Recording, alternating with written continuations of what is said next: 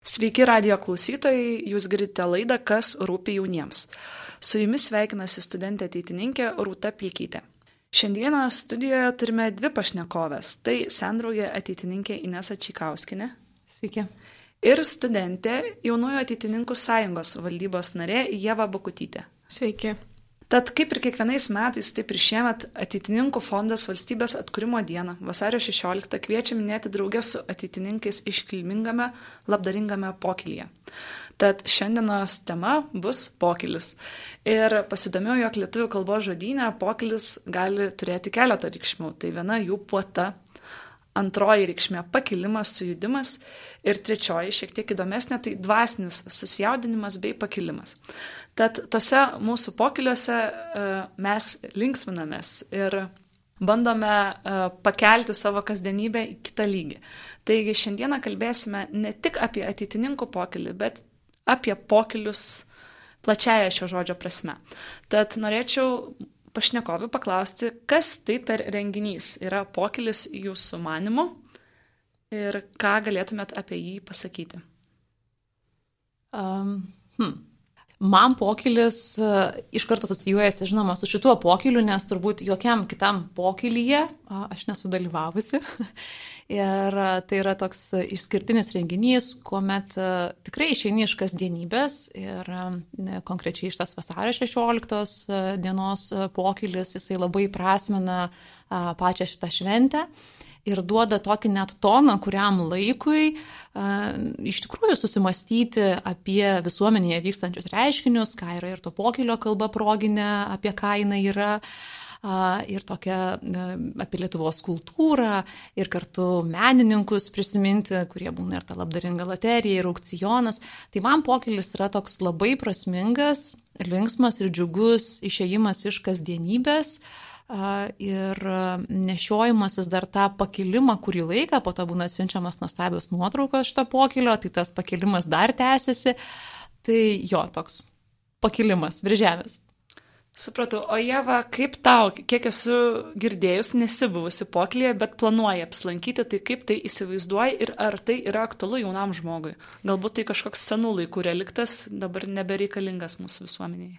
Tai kaip e, dauguma matome, kad viso visuomenėje šiaip tokie renginiai nėra labai dažnai sutinkami. Tai pokylis skamba toks labai labai iškilmingas, galbūt net oficialus, kaip pavyzdžiui, Atitininkų federacija organizuoja vasario 16-osios pokylį.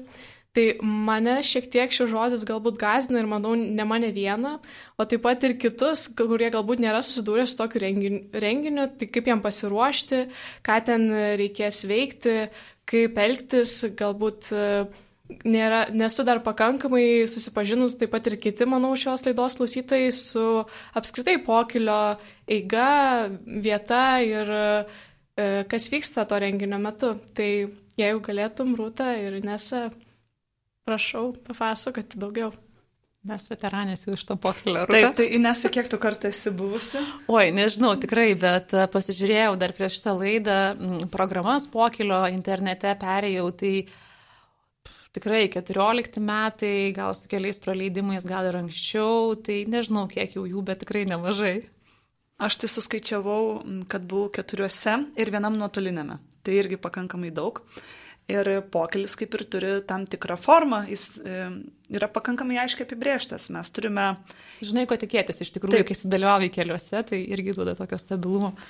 Viskas ten pakankamai paprasta, tai e, radio klausytams galbūt bus įdomu išgirsti, jog ateitininko pokeliuose mes turime keletą pagrindinių dalių. Tai pradžioje būna e, kaip ir atidarimas, malda, tuomet turime sveikinimo kalbą, jinai nebūna tokia trumpa kaip e, kalbos paprastose baliuose, o šiek tiek ilgesnė. Tuomet turime e, koncertą, vėliau po koncerto e, furšetą, po furšeto loteriją, aukcioną bei šokius.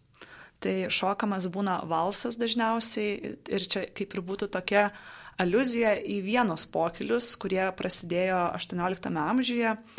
Ir pagrindinis dalykas tų pokeliu buvo suburti žmonės, bendrauti, džiaugti šokiu ir būtent e, būdavo dar toks labdaros akcentas, kad būtent būdavo pinigai renkami kažkokiai e, konkrečiai misijai įvykdyti. Ir ta sveikinimo kalba, aš dar galvoju, galima apie ją pasakyti, nevadinama proginė kalba, tai Taip. dažniausiai jinai yra apie tuo metu, tais metais Lietuvos visuomeniai ar net pasaulio visuomeniai kažkokius aktualius reiškinius. Ir čia tie pašneko kalbėtojai yra tikrai dažniausiai gerai žinomos asmenybės, tai buvo ir profesorius Vytautas Ališauskas ir profesorius Liudas Mažylis viename iš, iš tokių paskutiniųjų, man atrodo, daktarė Irena e, Vaišvilaitė ir arkivyskupas Gintaras Grušas ir arkivyskupas Kievalas ir kardinolas Sigitas Tamkevičius. Tai, tai o šiemet, kiek žinau, bus Alvydas Jokubaitis, nežinau apie ką, kokią visuomenės aktualiją, visuomenėje aktualią temą jisai palies šiemet, bet kiekvieną kartą irgi labai įdomu tą, mm, vat, būtent svarbiausią kažkokį akcentą metų irgi išgirsti jo apžvalgą ir jo analizę. Ir vėliau jis būna aptariamas, žmonės e, susitinka, e, diskutuoja, vaišinasi ir būna toks kaip ir pasidalinimas, kad mes jau turime apie ką kalbėti. Mhm, aš tai net pagalvojau, tai taip, aš net pagalvojau, kad labai būtų gražu net knyga, jeigu išeitų čia, aš tai atitininkam idėją, kad visų temų proginių kalbų, nes tai irgi tokia Lietuvos istorijos savotiški tokie momentai paliečiami. Norėjau paklausyti dar vieną klausimą. Ar jums teko susidurti su pokyliais, kitais pokyliais? Galbūt girdėjote apie tos pokylius, skaityti kažkur spaudoje ir galbūt šitas renginys ateitininkų yra išskirtinis ne tik Kaune, bet ir Lietuvoje. Tai kadangi aš labai domiuosi ateitininkų istoriją, o ta istorija dažniausiai yra susijusi su tarpukariu, kada buvo ateitininkų toks klėstėjimo laikas, kaip ir beje Lietuvos iš tikrųjų toks valstybingumo E, tai e, pokyliai tuo metu jie dažnai buvo vadinami baliais. Ir jeigu balius dabar toks truputį barbarizmas lietuvių kalboje ir tikrai prestižo ne, neduodantis žodis, tai tuo metu balius buvo toks kultūrinis pasilinksminimo apibrėžimas, kultūringas pasilinksminimo apibrėžimas.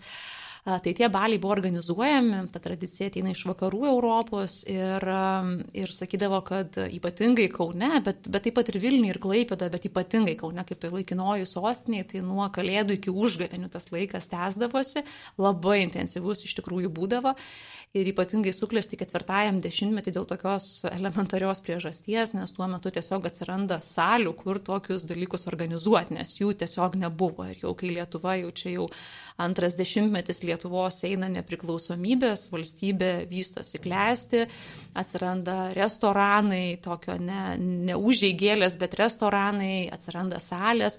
E, čia pastatomi ir ateitininkų rūmai Kaune Laisvės alėjoje, tokio 3-4 dešimtmečio sandūroje ir e, jau Kauno mieste, nuomos salių sąraše.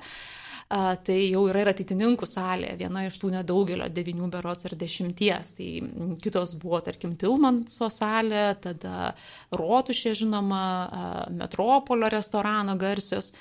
Tai va, tai, tai ir ateitininkų, ateitininkai irgi, tai aišku, tai būdavo toks aukštuomenės tie pokyliai, jie būdavo labai prabangus ir jam pasiruošti kainuodavo didelius pinigus.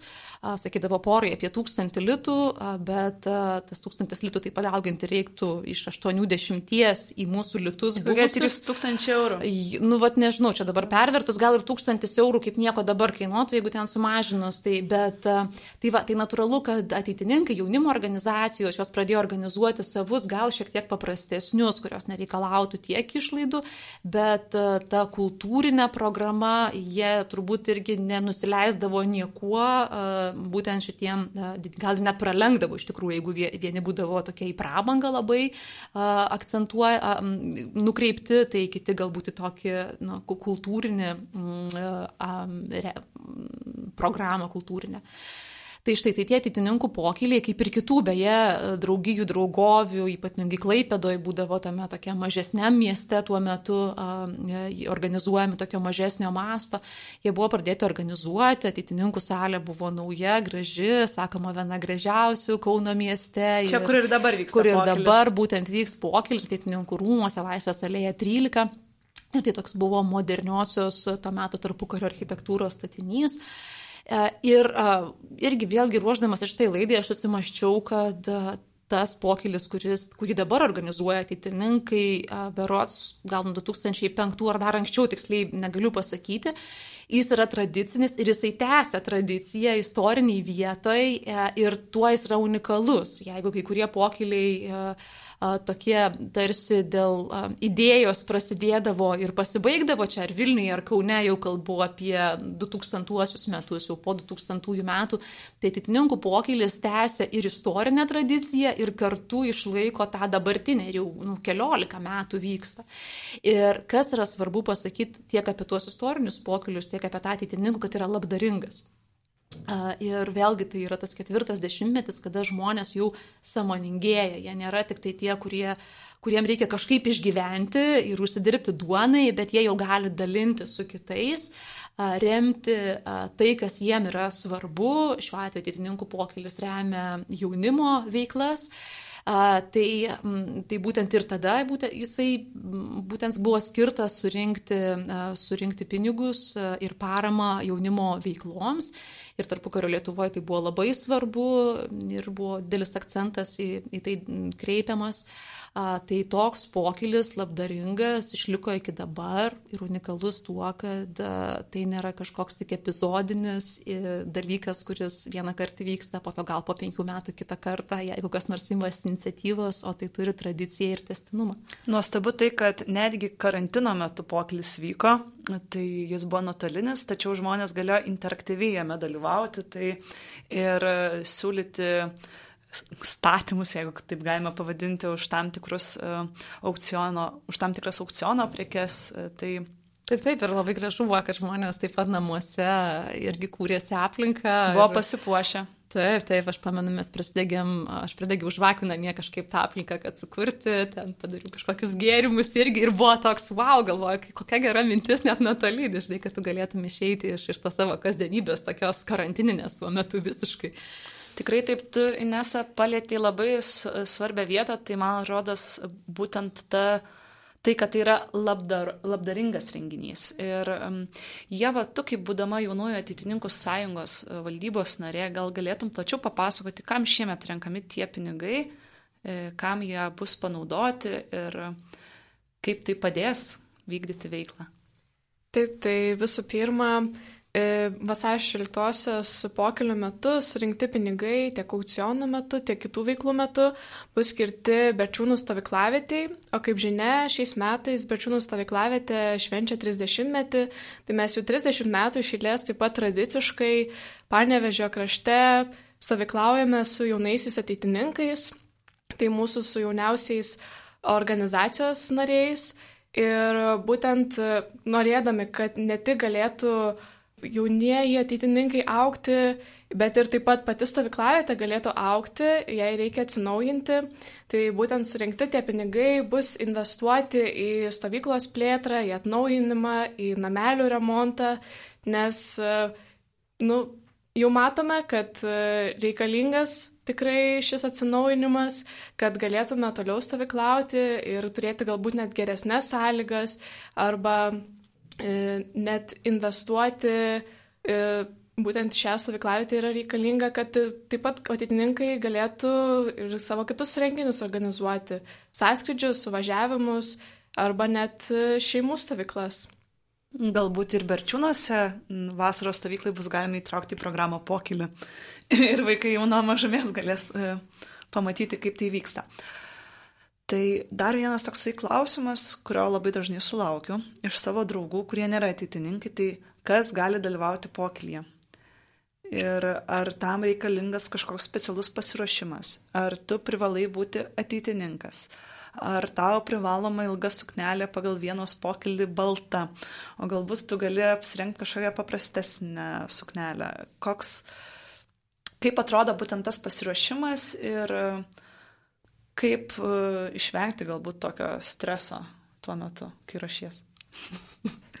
Turbūt pasakos savo patirtį, tu galėsi savo rūpą. Gerai, galėsim. Uh, pasiruošimo žingsniai yra tokie, reikia nusipirkti pirmiausia bilietą į pokylį, kad galėtume jį patekti, kad būtų galėtų apskaičiuoti vietos ir visi kiti organizaciniai dalykai, tai tiesiog nėra taip, kad gali užeiti. Galima dar nusimatyti šiek tiek lėšų labdaringai, ką, ką, gali, ką žmogus dalyvaujantis pokylyje gali paskirti būtent labdaringai veiklai. Tai ir tas biletas, bileto kaina, žinoma, irgi sumokama suma yra skiriama, bet taip pat yra labdaringa loterija ir aukcionas, kur galima įsigyti na, įvairių dalykų ir meno kūrinių, ir knygų ir kažkokių daiktų kvietimų į gerus koncertus, varžybas, krepšinio netgi. Tai, Žinau, kad šiemet bus ir papuošalų. Tai va, ir papuošalų. Lukos galinytės. Tai štai, tai galima nusimatyti, tikrai tie darbai dažniausiai būna verti. Iš tikrųjų, ta loterijos bilietų kaina yra nedidelė, palyginus su laimėjimais, nes, nes tai yra tikrai labai vertingi dalykai. Aukciono būna įsteigiami prizai, tarkim, aš pati esu aukcione įsigijusi. Man tai buvo svarbu, tai buvo mm, ateitininko vieno lėšų tokio telkėjo kunigo Dogelio, toks raštas savišalpos siunčiamas, jį buvo įsteigęs profesorius Liudas Mažylis, kuris beje jau eilę metų įsteigė tuos prizus įvairius, tai būna žymių valstybės veikėjų parašai iš archyvų arba kažkur nupirkti kitur, ne iš archyvo, aukcionuose nupirkti turbūt irgi. Ir, ir, ir jisai įsteigė juos kaip prizą. Tai tas aukcionas jau būna, žinoma, vyksta, žmonės kelia kainą ir kas jau ten nueina iki tokių visai spūdingų sumų, aš kiek pamenu. Tai Tai va, tai štai maždaug atrodo taip toks pasiruošimas nuotolinis, o tada pasiruošimas rūbais, tai um, jis yra paprastesnis turbūt negu vienos pokylių, ne baltos suknelės, net nežinau, gal keli žmonės esu mačius apskritai baltą suknelę, pas mus ta juoda spalva. Bet ilgos suknelės dominuoja. Bet tik. ilgos suknelės labiau dominuoja, vis tik tai yra pokylis ir yra pageidaujama, kad ta pranga nebūtų šventinė. Ir, ir tai yra ne tik dėl kažko, bet dėl mūsų pačių, kad tas protokolas jis um, jis kažkuria prasme įpareigoja, bet ir kažkuria prasme mums taip verčia pasitemti, taip turbūt permastyti vėl, kas, kas mes esame ir kūnų ir siela. Ir, ir labiau įsitraukti. Jo, ir, ir grožėtis renginį. ir, ir kitai žmonėm, tokia visa visuma renginio. Ir tai, tai tie rūbai be smokingų, žinoma, keletą vyrų esu mačius tik tai su, su smokingais, beje, dar, dar nėra toks dalykas, nors būtų labai gražu, aišku, kad vyrai dalyvautų su smokingais. Tikrai. Bet tai štai tai yra tai, kad yra tvarkinga, graži vakarinė. Nu, iš tikrųjų, vakarinė, aišku, tas ne, ne baltas kostiumas, kur tikrai ten labai griežta. Bent jau man kiek teko domėtis, tai tas vad griežta pranga būna tada, kada renginys prasideda vėliau negu 8 val. vakaro. Kadangi tai. mūsų renginys prasideda 6, tai net ir e, pagal visą etiketą negalima reikalauti visiškai pilnų tų aprangų. E, bet e, taip, stengiamės atrodyti gražiai. Stengiamės atrodyti gražiai ir, ir nu, tiesiog, kad, kad, kad pačiam būtų gera ir, ir, ir uh, dalyvauti, aišku, tas pačiam gera, tai gali visai būti suprasta, bet... Uh, Na, aišku, po to atsiduri nuotraukose, tai norisi būtent, būtent kad, bendro. Uh -huh, kad tai yra tikrai išskirtinis dalykas ir, ir pati proga vasario 16 yra svarbi kiekvienam Lietuvos piliečiui ir, ir tikrai verta kažkaip ne, ne tik turbūt namie klausant radio populiariausių dainų ar žiūrint televiziją paminėti, bet, bet tikrai ir taip išskirtinai pasidžiaugti ir švesti, švesti tą šventę, švesti, kad mes nu, esam tikrai klestinti valstybę visom prasmėm, jeigu taip pažiūrėjus ir Tai, tai tikrai vertas, vertas dalykas pasipuošimo, vertas dalykas gal net šukuosenos, kas jaučia tokį poreikį ir Taip, patys ir susikūrėme tą šventę. Taip, būtent. Ir tą savo aprangą, ir, ir laikyseną netgi tą pačią. Aš tai galiu pasidalinti galbūt savo pirmų dalyvavimu pokylyje. Tai labai jaudinausi, ką čia apsirengus. Nu, man buvo 18 metų, tikrai ilgų suknelių spintai neturėjau. Ir tada kreipiausi į mamą, sakau, mama, galbūt tu turi kokią ilgą suknelę. Ir tada mama ištraukė suknelę, kurią pirko kai laukėsi manęs plaukdama į Suomiją. Suomijoje nusipirko ir sakė, kad taip niekarto gyvenime ir neteko užsidėti, nes ir tokių progų eiti su suknelėm iki žemės kaip ir nebuvo. Tai buvo taip simboliška, kad po 18 metų aš apsirengiau tą suknelę ir nuėjau į pokylį. Aišku, jinai nebuvo pritaikyta šokiams, nes buvo pakankamai siaura ir negalėjau šokti. Tai kitais metais pasimokiau ir jau suknelės apačia buvo platesnė. Tai irgi svarbu atkreipti dėmesį į tokias um, smulkes detalės, nes tiesiog gali būti taip, jog nebus patogu, o kai nesijauti patogiai, negali ir atsipalaiduoti. Taip, ir, tu čia šokio aspektą ir, labai palėtėjai svarbu. Taip. Tai gal toliau ir pakalbėkime apie tuos šokius. Dalis žmonių bijo eiti į pokelį vien dėl to, kad e, yra šokių dalis. Tačiau šokių dalis yra pati paskutinė ir nėra privaloma. Aišku, joje nedalyvaujant irgi save nuskriaudžiame. Bet visada reikia galvoti, kad yra šokančių, tai jeigu jau šokiai yra tai, kas labiausiai uh, trukdo ir stabdo atvykti pokylį ir kompleksuoti dėl to, tai tikrai šokančių yra ir galima žiūrėti šokančius. Taip. Bet galima ir šiek tiek pasiruošti, nes e, mes žinau, net e, pamokas turėjom dar čia prie, prie, prieš pirmuosius pokylius, valsio pamokas, kad, e, kad kažkaip, nu, tiesiog komfortabiliau jaustųsi visi ir su savo porom galėtų šokti. Java, ar m, irgi ruošiesi jau šokiams? tai man šiek tiek priminė šitą šokių temą žiemos akademijos moksleivių, kuomet dar vykdavo nenotoliniu būdu. Tai jau moksleivių akademijose prieš naujametinį vakarą e, vykdavo, prisimenu, valso pamokos, tai jas vesdavo vadovai, kurie taip pat dalyvauja ir, ir dalyvaudavo tose pokiliuose, ypač vasario 16, 16 dienos proga. Tai va, tai prisimenu, va dar būdama kaip moksleivė ir teko dalyvautis akademijose ir taip pat uh, lankyti tas šokio valso pamokas būtent. Tai tikrai buvo naudinga patirtis ir manau dauguma moksleivių, kurie jau tampa studentais ir gali dalyvauti vasario 16-osios pokelyje, tai manau pasinaudoja tikrai šiomis pamokomis. Žinau, kad šiemet irgi yra pamokos, tai jas veda uh, E, Milda Vitkutė ir galima ketvirtadieniais prisijungti ir kartu su studentais ateitininkais mokytis šokti valsą. Tai dar liko viena pamoka, netiek ir daug, šį ketvirtadienį. Tai uh, tikrai svarbu mokėti šokti dėl to, kad um, mokant šokti atsiveria visiškai kitas šito renginio pajūtimas. Tai aš pati pirmą kartą dalyvaudama pokylyje taipogi nemokėjau šokti arba mokėjau tik tai tiek, kiek išmokau akademijose o antrą kartą besiruoždama pokyliui dalyvavau pamokose. tai buvo labai naudinga, tikrai išmokom įvairių judesių papildomų ir um, platesnių apsisukimų. Ir manau, kad šita patirtis yra svarbi ne tik uh, pokyliams, bet ir gyvenime, kur ką gali žinot, kur po to. Jo, tavo pavyzdys būtų irgi, man atrodo, toks padrasinimas yra, kad uh, jeigu ne, negali šokti ir nesijauti komfortabiliai, tai uh, tai gali ateiti bent pažiūrėti šokančius ir gal kitą kartą bus, ar ne, paskata um, pasimokyti valsą arba ne taip profesionaliai, na, tiesiog muzikos ritmu pajudėti su, su pora ar su tuo, kas pakviečia tave šokti, nes tikrai uh, ne taip kaip tarpu karių buvo griežtai sakoma, jeigu nemoki šokti, tai neiki šokio aikštelę, nes gėda, tai taip nėra ir, ir žmonės pakankamai laisvai jaučiasi toje šokių dalyje. Tikrai taip, visada kažkas pakviečia šokti, čia nėra problemų.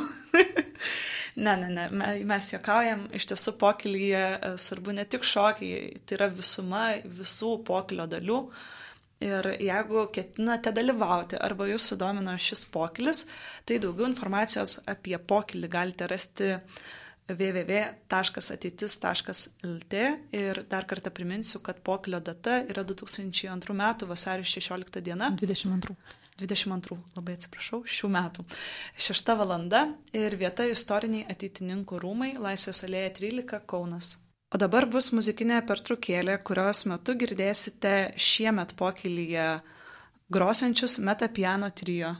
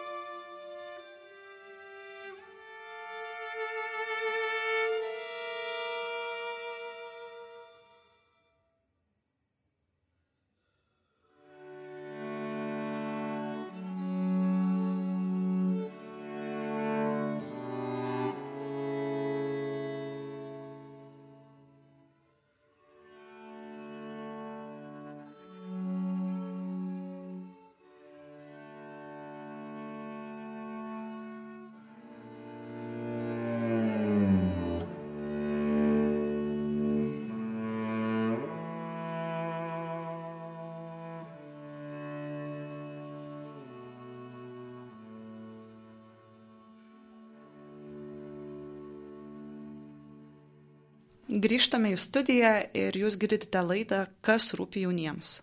Tad toliau tęsime laidą ir norėjau dar jūs šiek tiek pakalbinti apie tai, um, galbūt kaip kito pokylis šis. Tai gal čia Inesa labiau žino, jau šiek tiek pasakojo, kad nuo tarpukario, po to mes turėjom pauzę pokylių ir po to jie vėl grįžo. Tai galbūt pastebėjai kažkokių skirtumų skaitydama, domėdamasi. Nežinau, gal proginė kalba turbūt yra labiausiai kiekvieną kartą atnaujinanti pokylį pagal tai, e, kas, e, kas aktualaus vyksta Lietuvoje ir ar Lietuvos politikoje, ar kultūroje.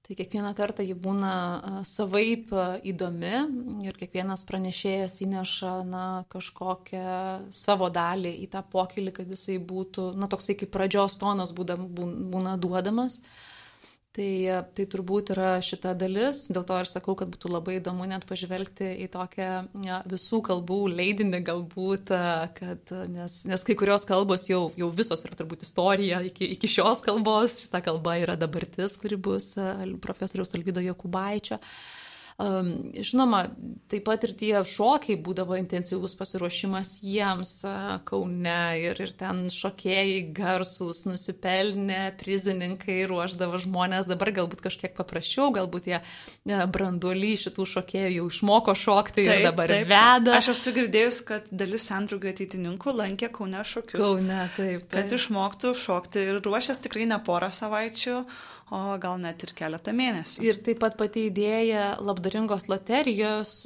vėlgi jinai galbūt prasidėjo nuo tokių klesnių įsteigtų loterijos prizų, taip vadinkime, Vėliau tikrai menininkai prisidėdavo ar, ar žmonės, kurie norėdavo verslininkai įsteigti tam tikrus prizus, tai jie tikrai tapo tokie solidus, kur, kur tikrai žmonės nori atvažiuoja ir ne ir ta pirmoji dalis kartą laukia, kol prasidės pokylis, apžiūri šituos prizus ir, ir ten žmogus akimis įrenka, aha, norėčiau šitą laimėti ir būna tokių, bet kurie... Ir dabar išsirenka žmonės. E, jo, jo, bet turiu menį, kad jo, kad jau dabar jie tokie vertingi, kad žmogus jau išsirenka ir galvoja, kaip norėčiau šitą. Ir būna būna taip, kad iš tikrųjų jisai gauna šitą, būna tokių. Aš žinau, kad šiemet e, organizatoriai sugalvojo tokį dalyką, jog e, vienas iš e, aukciono laimėjimų bus išsirinkti loterijos prizą pačiam. A, nuostabu. Taigi, jeigu kažką žmogus nusižiūrėjo, kas jam patiko, Tai o, čia labai gerai. Bus galimybė. Tai, va, tai būdavo tie prizai tokie vertingi, kad jų buvo nuspręsta, kad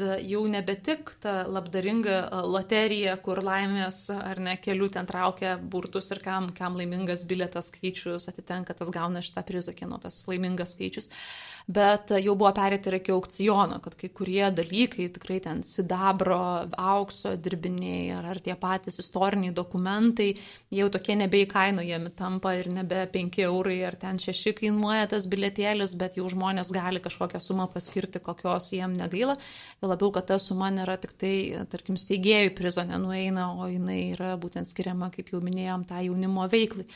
Tai, tai pagal, va štai tu sakai, kad dabar jau žmonės gali įsirinkti, tokių įdomių visokių niuansų atsiranda, bet tas pats šerdis, sakyčiau, tai yra nu, protokolinis dalykas, vis tik pokylis ir tai yra nu, ceremonija savotiška, nėra to ceremonmeisterio, dabar organizatorių mes vadinam, bet žmonės išlaiko tą tradiciją, kas man yra labai gerai, nes tos tradicijos irgi duoda tokį savotišką susipratimą apie ką yra tai ir kad tu kiekvieną kartą neini kaip į kažkokį naują koncertą, bet tu žinai, kuo gali tikėtis ir kartu tu nežinai, ko tu gali tikėtis iš, iš tokio turinio. Taip, nes esmės. tam tikros dalis vis tiek e, keičia tą veidą. Dalis išlieka, bet jų, jų turinys, jų išraiška keičiasi. Tai, tai, Tai taip jisai ir kito, ir žmonių turbūt daugėja, o štai pernai buvo mm, pandemija ir, ir tas reakcija į pandemijos iššūkius buvo nuotolinis, kas davė labai įdomų dalyką, nes galėjo prisijungti lietuviai iš viso pasaulio.